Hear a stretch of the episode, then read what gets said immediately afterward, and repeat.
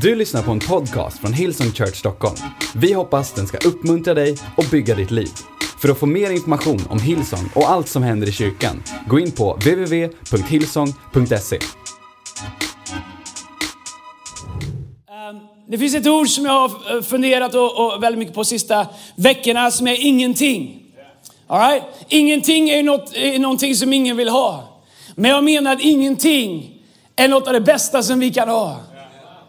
Jag är övertygad om att vi allihopa har massa ingentings i våra liv som skulle kunna bli någonting om vi bara såg värdet av det.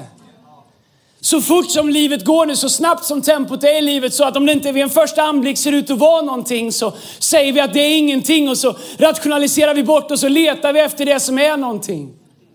Det som är någonting, om vi inte aktar oss, definieras av andra människor. Sociala medier säger vad som är någonting. Media säger vad som är någonting. Och så kanske vi missar massa bra saker som finns runt omkring oss. Därför att vi inte förstår värdet av ingenting. Titeln på den här ehm, eh, predikan eh, heter Välsignelsen i ingenting.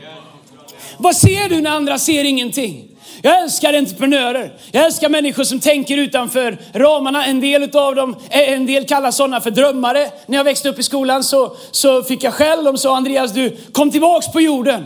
Du, du lever i någon drömvärld och så där kan det inte vara. Du, du fantiserar och det går inte. Och, och målet var att man skulle in innanför boxen. Jag vet inte hur, hur stor eller liten stad eller hur stort eller litet sammanhang du kommer ifrån. Men där jag kommer ifrån så var ramen ganska liten. Det var speciellt svårt att måla utanför linjen där därför att de var väldigt nära varandra båda linjerna. Men vad ser du? När andra ser ingenting. Jag har upptäckt att så ofta finns Gud i det andra säger det ingenting. Jag tror att Gud vill välsigna dig och välsigna oss för att visa världen kraften av ingenting. Jag tänker på vår egen resa som kyrka. Så många gånger som vi har stått och inte haft lokaler, haft ibland tusentals människor som har, vi har behövt ha någonstans att samlas, men vi har ingen lokal, vi har ingenting, men någonting har ändå funnits. Och när det inte har funnits en rimlig dörr kvar att knacka på så har det ändå uppstått någonting ur någon död vinkel eller någonting som vi har missat. Därför att jag tror att med Gud så finns det aldrig någonting som är ingenting. Utan om vi förstår och ser med de ögon som Gud ser med, så finns det mirakler i det som andra säger är ingenting. Det finns ett bibelställe i Jesaja kapitel 45. Okej, okay. när Kingdom Builders hade jag lite mer tid med, det har jag inte med er här idag. Jag vet att ni har satt på potatisen och ska hem. Så ursäkta mig om jag drar på lite då, går det bra? Tack. Jesaja kapitel 45, vers 1 så står det så här. Så säger Herren sin smorde, till Koresh. Det här är en gammal, eh, eh Jesaja skrevs 700 år före Kristus av en man som heter Jesaja. Man har hittat alla de texterna. Och, och alla, alla, alla, alla, jag har sagt det ofta, alla kapitel i Jesaja handlar om, om Jesus. Så säger Herren till sin till Korosh, vars högra hand jag har fattat för att slå ner folket framför honom. Lossa bältet från kungars höfter, öppna dörrar så att inga portar mer ska vara stängda. Här kommer vers 2. Jag ska gå framför dig och jämna ut höjderna. Jag ska krossa kopparportarna och knäcka järnbommarna. Jag ska ge dig skatter som är dolda i mörkret och hemliga rikedomar för att du ska inse att jag är Herren som kallar dig vid namn. Jag är Israels Gud. För min tjänare Jakobs skull, för Israels skull, min utvalde, kallar jag dig vid namn. Jag gav dig ett ärenamn fast du inte kände mig. Jag är Herren och det finns ingen annan. Utom mig finns ingen Gud. Jag spänner bältet om ditt liv fastän du, fastän du inte känner mig. För att man ska förstå både i öster och väster att det finns ingen utom mig. Jag är Herren, det finns ingen annan. Jag gillar det här som står i vers 3. När det står jag ska ge dig skatter som är dolda i mörkret och hemliga rikedomar. Nej, det handlar inte först och främst bara om pengar. Utan det handlar om hur Gud är gentemot oss. Okej, okay, om du håller på att törsta ihjäl så är ett glas vatten en rikedom, det är en skatt. Det här pratar om vad Gud har lovat oss. Han säger att han ska gå före oss och höja upp dalarna. Att han ska gå för och sänka bergen. Att han ska vara på våran sida. Och att han ska leda oss till saker och ting där vi säger att det finns ingenting. Men Gud säger, det vi säger är ingenting. Där finns det dolda skatter. Där finns det dolda rikedomar. Där finns det svar. Där finns det vishet. Där finns det genombrott. Där finns det nya relationer. Där finns det nya kontakter. Där kan det finnas en kreativ idé där vi, om vi bara är beredda att tro att Gud har saker som finns för oss fast vi inte ser dem dolda. I grundtext så pratas det om bortglömda skatter. Eller om det som är ingenting. Som att det finns någonting som inte är någonting. Som att Gud vill ge oss vishet och uppenbarelse. Att andra människor säger, det där är ingenting.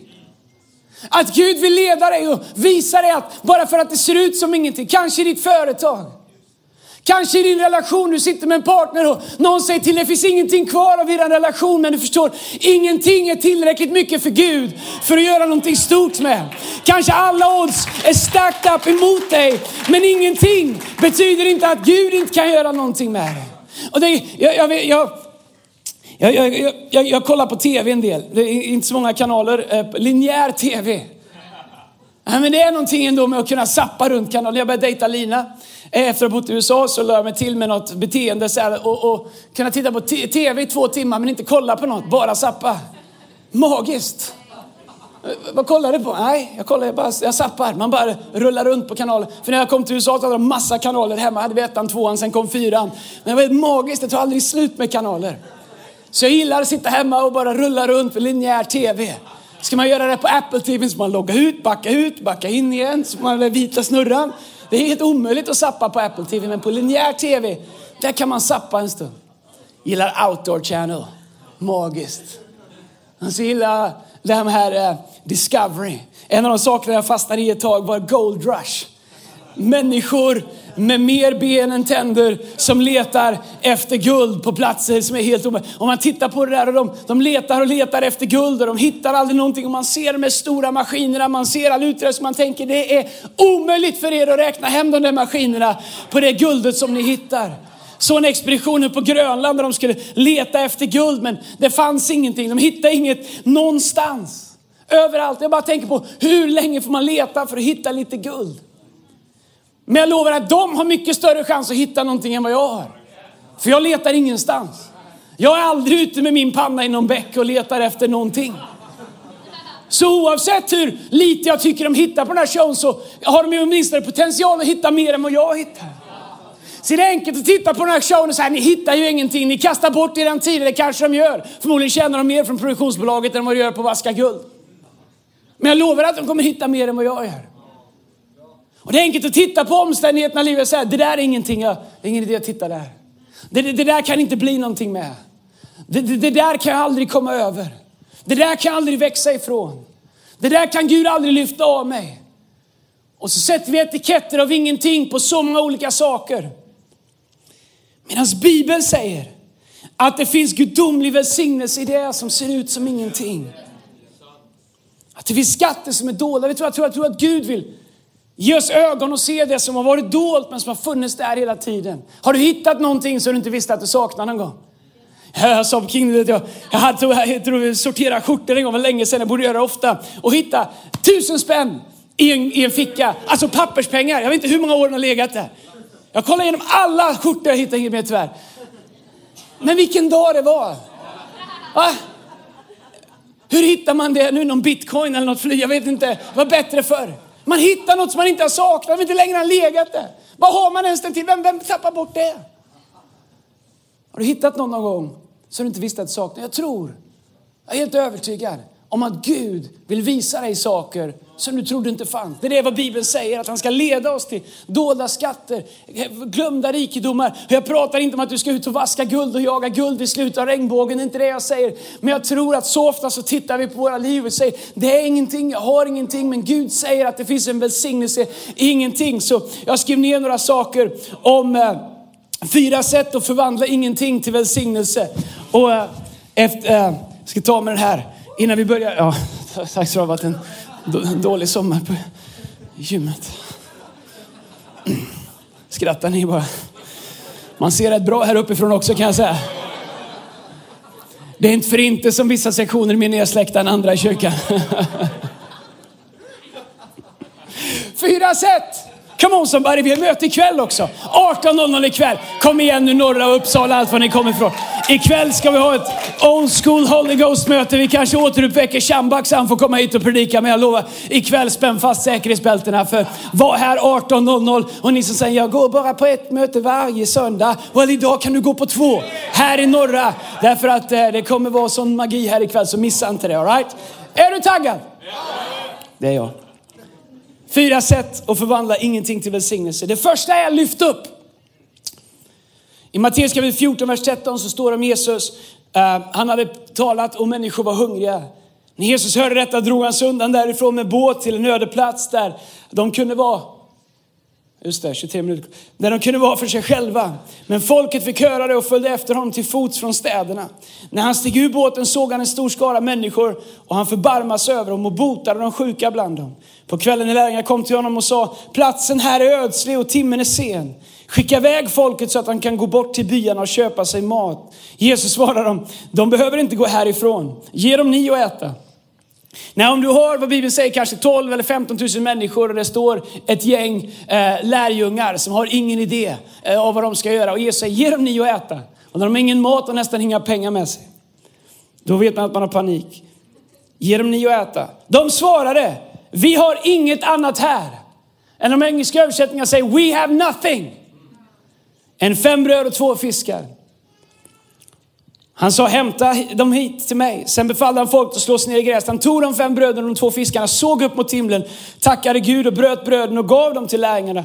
Och de gav dem till folket. Alla åt och blev mätta och man plockade tolv korgar fulla med bitarna som blev över. Och de som hade ätit var omkring 5000 män, förutom kvinnor och barn.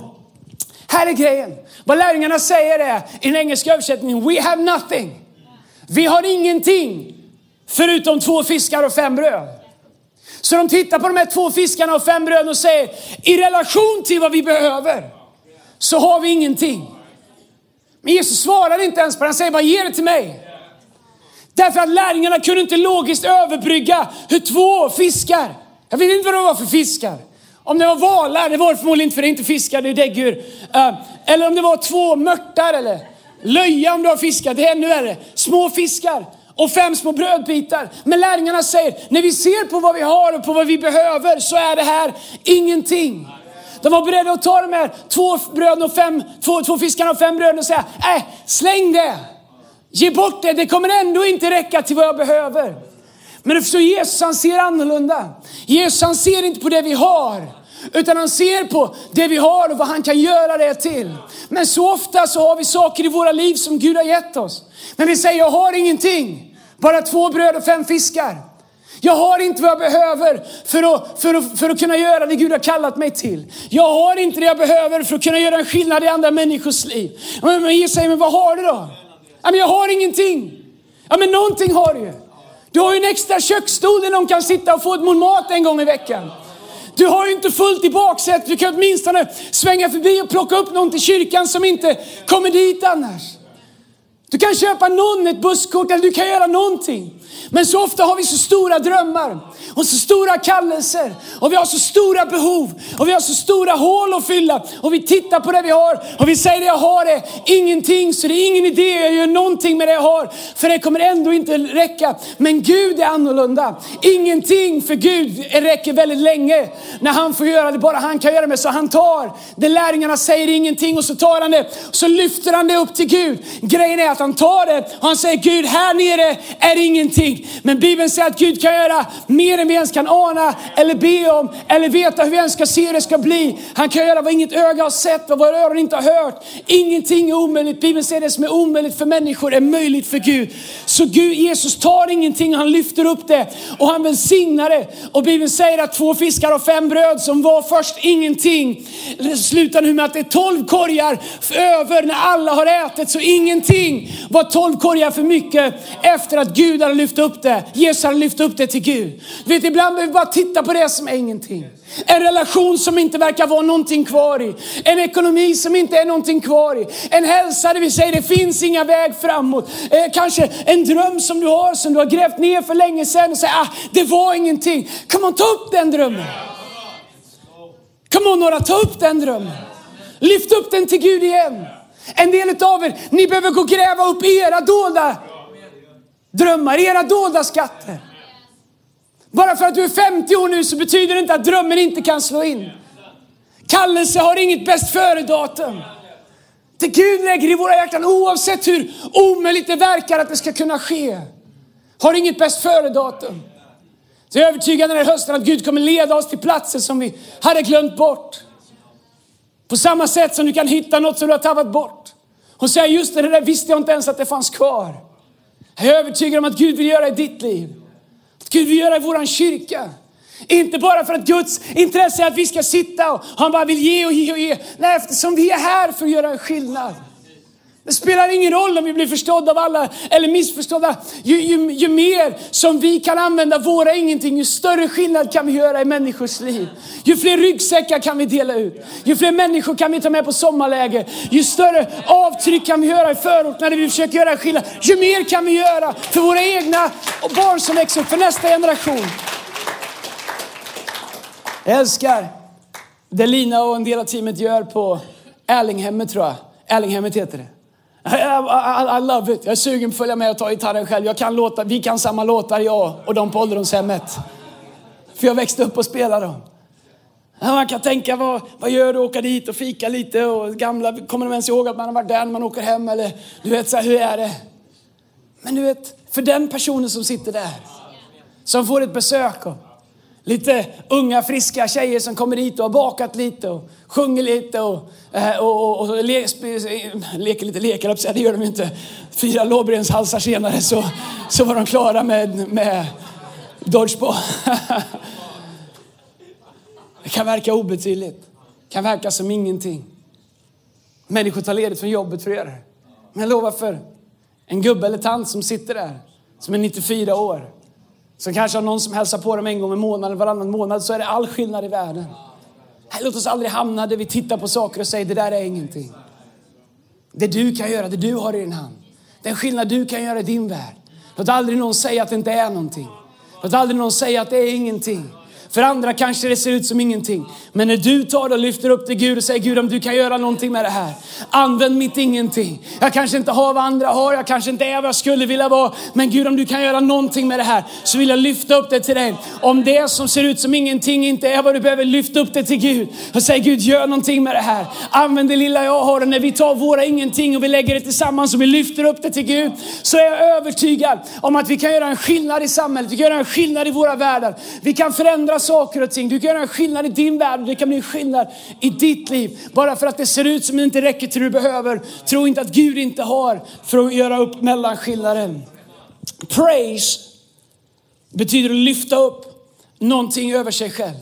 Att ge värde till någonting. Jag älskar ordet praise. På svenska pris, det kan betyda olika saker. Men att prisa, eller, det, bara, det, det plattar. Praise, come on somebody. Vad är det min orgel? Praise. Praise betyder att ge värde till. Vad är det Jesus gör när han lyfter upp de här två fiskarna och fem bröden? Han lyfter upp dem över deras naturliga kontext. Han säger här nere så är det inte vad det behövs. Men när han lyfter upp dem så ger han praise. Han bestämmer att värdet av de här två fiskarna och fem bröderna är inte vad det ser ut att vara. Det är vad Gud har potential att göra med dem. Kan få ge dig ett råd ibland när du känner jag har ingenting kvar. Jag har ingen råd, jag vet inte vad nästa steg är. Du är fast i ditt ingenting. Det bästa du kan göra är bestämma dig för att lyfta upp din röst. Lyfta upp din blick. Kanske till och med testa att lyfta upp dina händer. Fästa din blick på Gud. Lyfta upp det till Gud. Därför att jag upptäckte att ju mer jag prisar Gud, ju mer jag sjunger till Gud, ju mer jag ger honom min uppmärksamhet, ju mer jag fokuserar på honom, ju mer skiftar mitt, mitt fokus och mitt perspektiv från det som inte är någonting till det som han kan göra. Du vet, så praise is a two way street. Vi gör det för att han är värdig, men det gör också att vi börjar se från hans perspektiv. Många av oss vi sitter fast, vi tittar bara från vårt eget perspektiv. Praise, att prisa Gud. Oavsett hur många år du har gjort, att bestämma dig för att lyfta upp ditt perspektiv kommer göra mirakler i Jesu namn. Amen. Så lyft upp. Det är det första sättet att förvandla, att hitta gudomlig välsignelse i ingenting. Det andra är, äh, nummer två, kasta ut. Jag har bara 27 punkter så håll i er. Lukas kapitel 5, vers 4 så står det så här. När han hade slutat tala sa han till Simon, alltså lärjungen, gå ut på djupt vatten och lägg ut era nät i fångst. Och Simon svarade, mästare, vi har arbetat hela natten och inte fått något. Engelska översättningen säger, and we got nothing. En annan översättning, we've ended up with nothing. Vi har fiskat hela natten och inte fått något. Men på ditt ord ska jag lägga ut näten. Och de gjorde så och de fick så mycket fisk att näten höll på att brista. Då vinkade de åt sina vänner i andra båten och komma och hjälpa dem. Och de kom och fyllde båda båtarna så att de var nära att sjunka att våga kasta ut våra nät igen. Där andra eller vi själva säger att det inte finns någonting. Så lärjungarna har fiskat, eller Petrus och Simon och förmodligen Andreas, hans bror, har fiskat där och, och, och hållit på hela natten och flera lärjungarna. Nej, om vi bara tänker ibland på hur Bibeln är. För det är enkelt att läsa sånt där och säga, då stod de där och fiskade. Då hade de kommit till land, då sköljde sina nät. Då kom Jesus och ut och kastade ut näten på andra sidan. Och där fanns det fisk. När kan jag bara få säga att de åkte inte runt med stora trålare. Där det var långa avstånd från vänster till höger sida. Båtarna var inte super, super stora. Det är ju inte så att de här stora fiskstimmen bara var på ena sidan. Och de hade sån otur så de hade, all fisk var på vänster sida. Och de hade sån otur så den här natten fiskade de bara på höger sida. Men tänk om någon hade kastat ut vänster, de hade fått fisk. Det är inte det det handlar om. Lärjungarna hade kommit in och bestämt sig för att här finns ingen fisk. Lärjungarna hade kommit och bestämt sig för att det finns ingen fisk att få här. De hade börjat skölja sina nät eftersom de inte skulle använda dem mer. Vi har pratat om det många gånger. Hur enkelt det är att börja skölja sina nät och säga att det finns ingen mer fisk för mig att göra. Det finns ingen användning för min talang, det finns ingen användning för min gåva. Den där drömmen jag hade, den där iven jag hade när jag var 18, 19, 20. Det där idealet jag drevs av. Den där viljan att göra, skapa förändring, den där viljan att få mig att göra saker som jag hade när jag var 17, 18, 19. Det, it's a young man's game. Det är för de unga. Det, det är fint att de hoppar här framme men snart så blir de som vi andra och upptäcker hur livet verkligen är. Trötta, cyniska och med facit i hand på allting. Inte ni utan andra. Vi har fiskat hela natten, det finns ingen fisk. Vi har provat det där, det funkar inte. Faktum är att vi är rätt bra på att fiska. Om vi hade varit lärjungar. Eller vad det nu omsätter till i våra egna liv. Men grejen är att det, det Jesus ber dem göra är inte liksom att fiska på ett annat sätt än de har fiskat. Han ber dem bara i tro på att han är mäktig och skapar någonting ur ingenting. Åka ut och kasta dem. Han säger inte, åk ut och kasta dem hundra gånger till så får vi se om det blir något. Han säger, åk ut och kasta dem en gång till.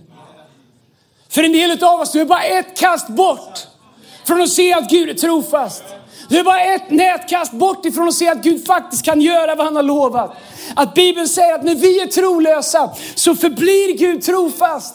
Det fanns ett kast kvar för lärjungarna, även när de sa att det inte fanns något fisk. Och jag är så tacksam för att vi har en Gud som säger det finns alltid ett kast kvar.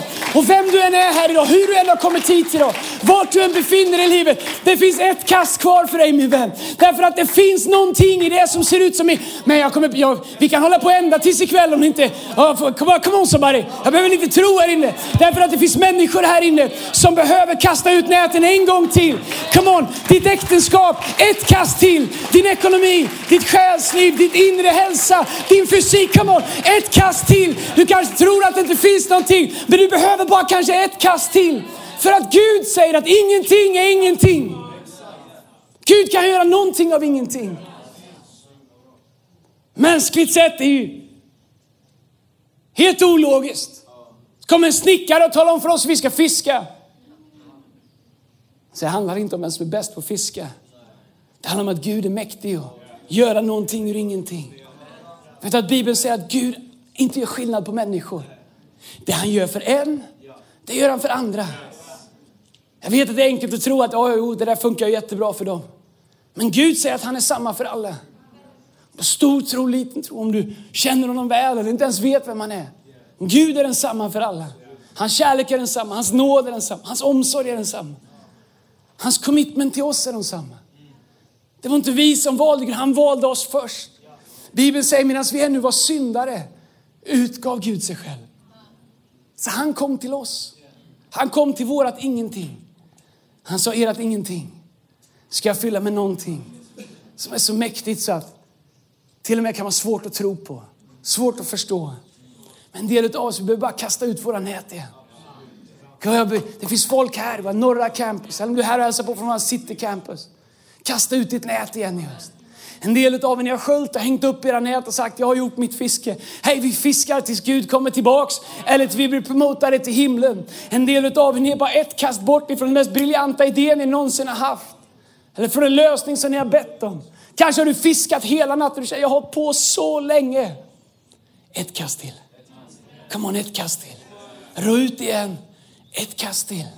Han är mäktig att göra någonting ur ingenting. Så det första vi pratar om hur Gud kan hur vi kan hitta gudomlig välsignelse i det som ut som ingenting. Det är lyft upp det till Gud. Det andra är våga kasta ut det igen. Det tredje är så ut. Jag predikade om det för, för inte så länge sedan. Men kvinnan som hade bara en liten skvätt olja. Och, och, och, och jag ska inte läsa hela bibelordet. Det, det, det, ni kan läsa när ni kommer hem. Andra Kungaboken 4, vers 1. Ah, jag läser det. Så, eh, den delen av, av predikan som är Bibeln är alltid bra. Så det är lika bra att läsa Bibeln. Det står i Andra Kungaboken 4.1 så står det så här. En kvinna som var hustru till en av profetlärjungarna ropade till Elisa. Min man, din tjänare, har dött och du vet att din tjänare fruktade Herren. Nu kommer hans fordringsägare och vill ta mina båda söner till slavar. Elisa svarar till henne, vad kan jag göra för dig? Säg mig vad du har hemma. Hon svarar, din tjänarinna har ingenting annat än en flaska olja. Då sa han, gå och låna kärl av alla dina grannar, tomma kärl men inte för få. Gå sedan in och stäng igen dörren om dig och dina söner och häll olja i alla kärlen. När ett kärl är fullt så flytta det. Då gick hon ifrån honom sedan hon hade stängt igen dörren om sig och sina söner bar de fram kärlen till henne och hon hällde i av oljan. När kärlen var fulla sa hon till en av sina söner, ge mig ett kärl till. Men han svarade henne, det finns inte något mer kärl. Då stannade oljeflödet av. Två saker med det här som är fascinerande. Olja i Bibeln är alltid en liknelse på den heliga Ande. På det som också kallas för smörjelse, Guds förmåga i oss. Amen. Eh, men det hon säger är, hon svarar, det står så här, Elisa frågar, säg mig vad du har hemma. Hon har två söner som fordringsägare vill ta till slavar för hennes man är död och nu kan hon inte betala räkningarna. Så hennes plan är med sin lilla skvätt olja är att baka en bit bröd, äta den med sina två söner och gå och dö.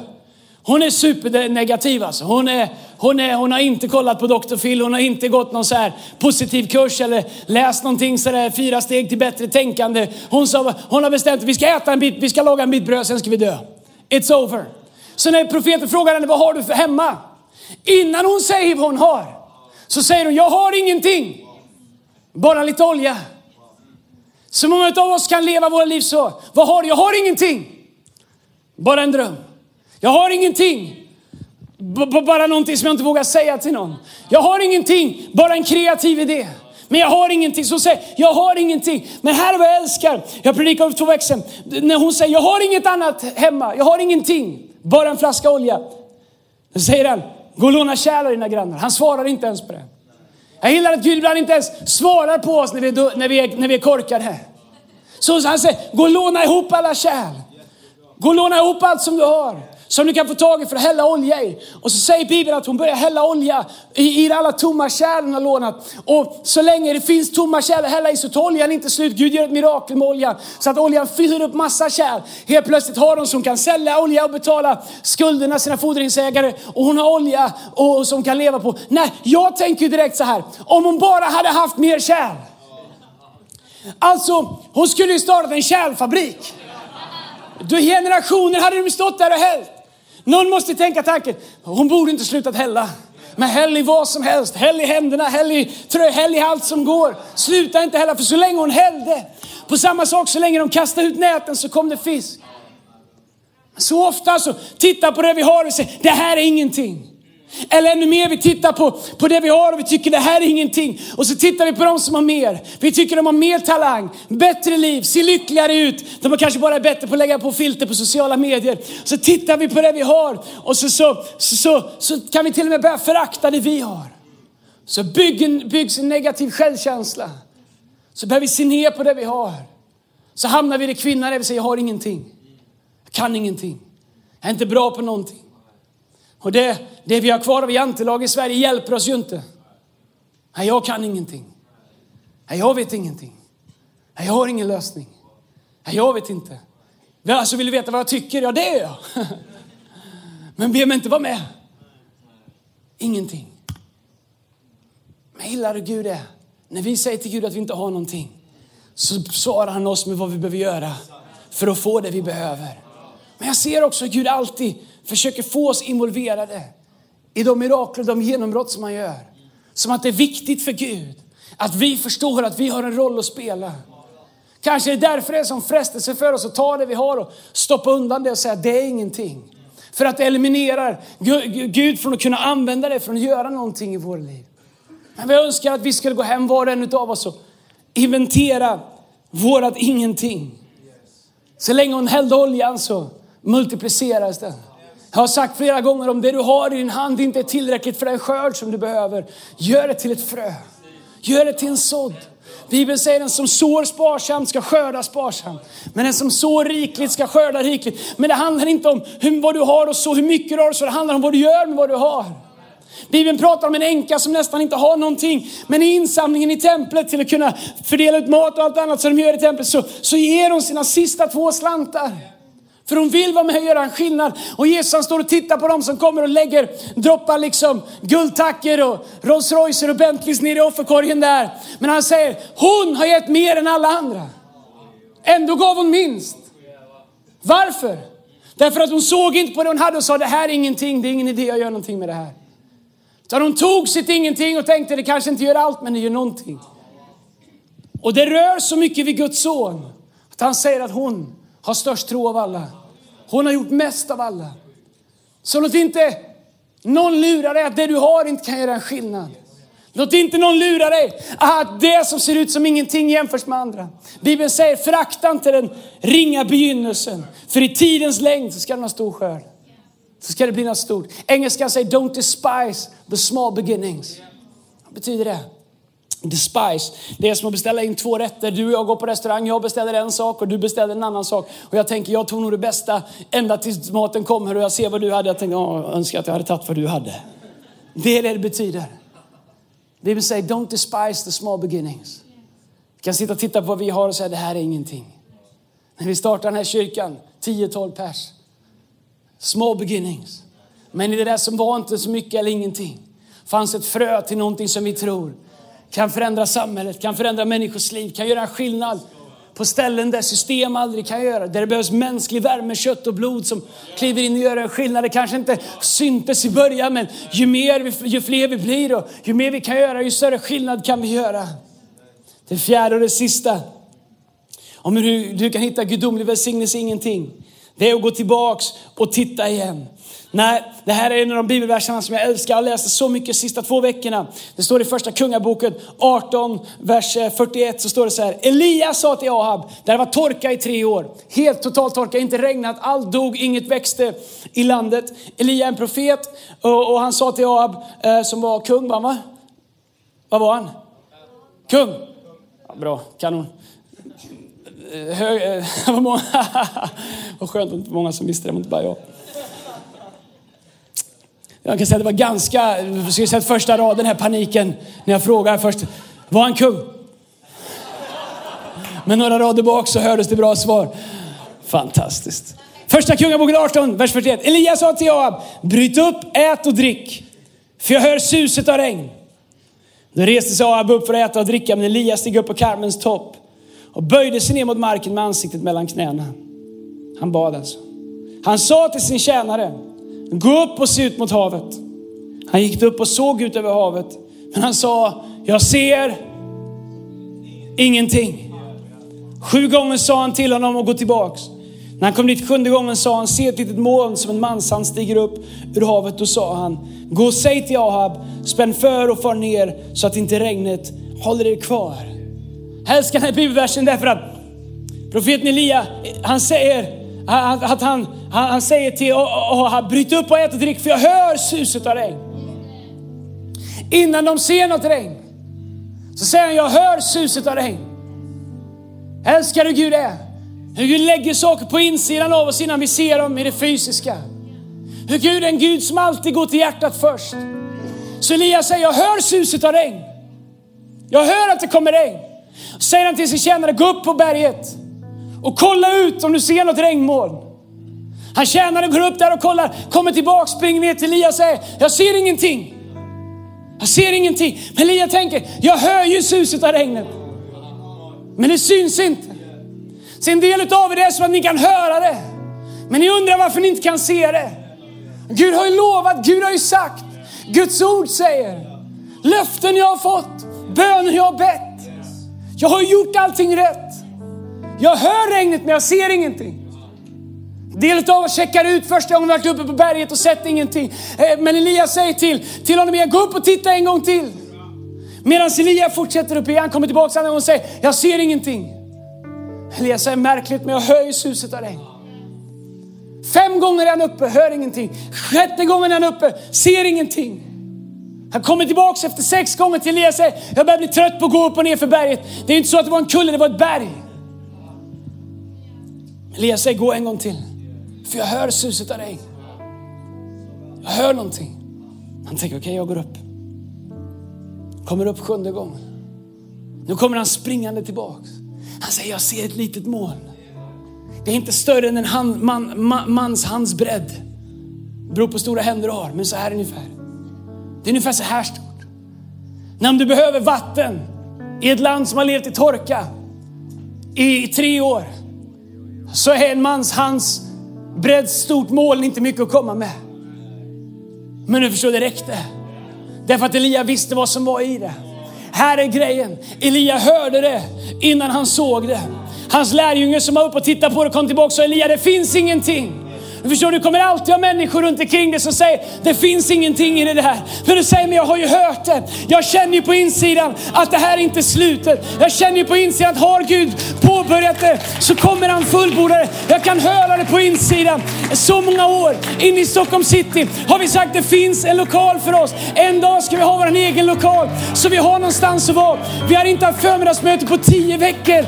Tio, tio veckor har vi inte haft förmiddagsmöte. Mänskligt sett är det omöjligt riktigt. Men allt vi behöver är en hansmans bredd. Därför att vi hör suset av regn.